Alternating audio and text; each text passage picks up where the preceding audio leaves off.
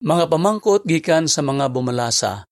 Sino ang mga banhawon sa duta kag ano ini nga klase sang pagkabanhaw?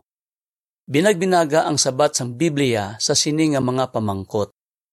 Ang binuhatan 24:15 nagasilinga may pagkabanhaw sang mga matarong kag mga indi matarong.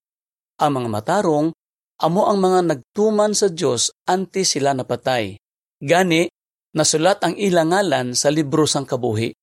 Nalakip sa mga indi matarong ang mga wala mahatagan sang tsansa nga makatuon parti kay Jehova anti sila napatay. Gani, wala nasulat ang ilangalan sa libro sang kabuhi. Ining duha ka grupo nga ginsambit sa binuhatan 24:15 amo man ang ginapatuhuyan sang Juan 5:28 kag 29. Nagsiling si Jesus nga ang mga naghimo sang maayo magagwa kag makabaton sang kabuhi nga wala sing katapusan. Apang ang mga naghimo sang malaot hukman. Ang mga matarong naghimo sang maayo anti sila napatay. Banawon sila kag makabaton sang kabuhi nga wala sing katapusan bangod na sulat gihapon ang ilangalan sa libro sang kabuhi. Pero ang mga indi matarong naghimo sang malaot anti sila napatay. Gani, hukman sila kung banhawon na sila. Wala pa nasulat ang ilangalan sa libro sang kabuhi.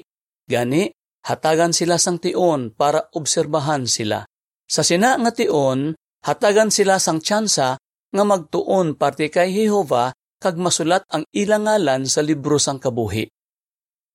Ginapathag sa bugna 20, 12 kag 13 nga dapat tumanon sang tanan nga banhawon ang mga butang nga nasulat sa mga linukot ukon ang bag-o nga mga kasuguan nga ihatag sa aton sang Dios sa bag-ong kalibutan. Laglagon ni Jehova ang tanan nga indi magtuman sa sini. Gintagda sang Daniel 12:2 nga ang iban sa mga banhawon magabaton sing kabuhi nga wala sing katapusan kag ang iban pakahuyan kag pakamalauton tubtub sano. Ginapatuhuyan sini nga bersikulo ang matabo sa ulihi sa mga banhawon magabaton sila sing kabuhi nga wala sing katapusan. Ukon, pakamalaoton sila tubtub o.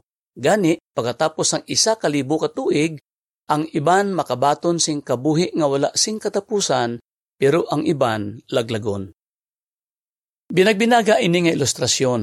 Ang sitwasyon sang duha ka grupo nga banhawon pwede makumparar sa mga foreigner nga gusto mag-istar sa iban nga pungsod. Ang mga matarong daw pareho sa mga foreigner nga ginhatagan sing work visa o kon resident visa. Gani, may pila sila ka kinamatarong kag may mga benepisyo nga ginahatag ang gobyerno sa ila. Ang mga indi matarong naman daw pareho sa mga foreigner nga ginhatagan sing temporary visa o kon visitors visa. Dapat anay pamatud-an sini nga mga foreigner nga nagakadapat sila mag-istar sa bag-o nga pungsod. Sing kaanggid, dapat tumanon sa mga indi mataro nga banhawon ang mga kasuguan ni Jehova kag dapat nila pamatud-an nga matarong sila para makapabilin sila sa paraiso. Pero, bisan anuman nga visa ang ihatag sa mga foreigner, dapat gid nila tumanon ang mga kasuguan sang pungsod. Kay man, posible nga mangin citizen sila sang pungsod sa ulihi ukon posible man nga i-deport sila. Nagadepende ini sa ila pamatasan ka ginahimo. Sing kaanggid, ang matabo sa ulihi sa mga banhawon nagadepende sa ila katutom kag ginahimo sa bag-ong kalibutan. May gugmaon nga Diyos si Jehova kag matarong gid siya. Ipakita niya ang iagugma paagi sa pagbanhaw sa mga matarong kag sa mga indi matarong. Pero gusto niya nga tumanon sining duha ka grupo ang iya mga kasuguan parte sa husto kag sala. Ang mga nagapalangga sa iya kag nagatuman sang iya mga kasuguan amo lang ang makapabilin sa bag-ong kalibutan. Diri natapos ang artikulo.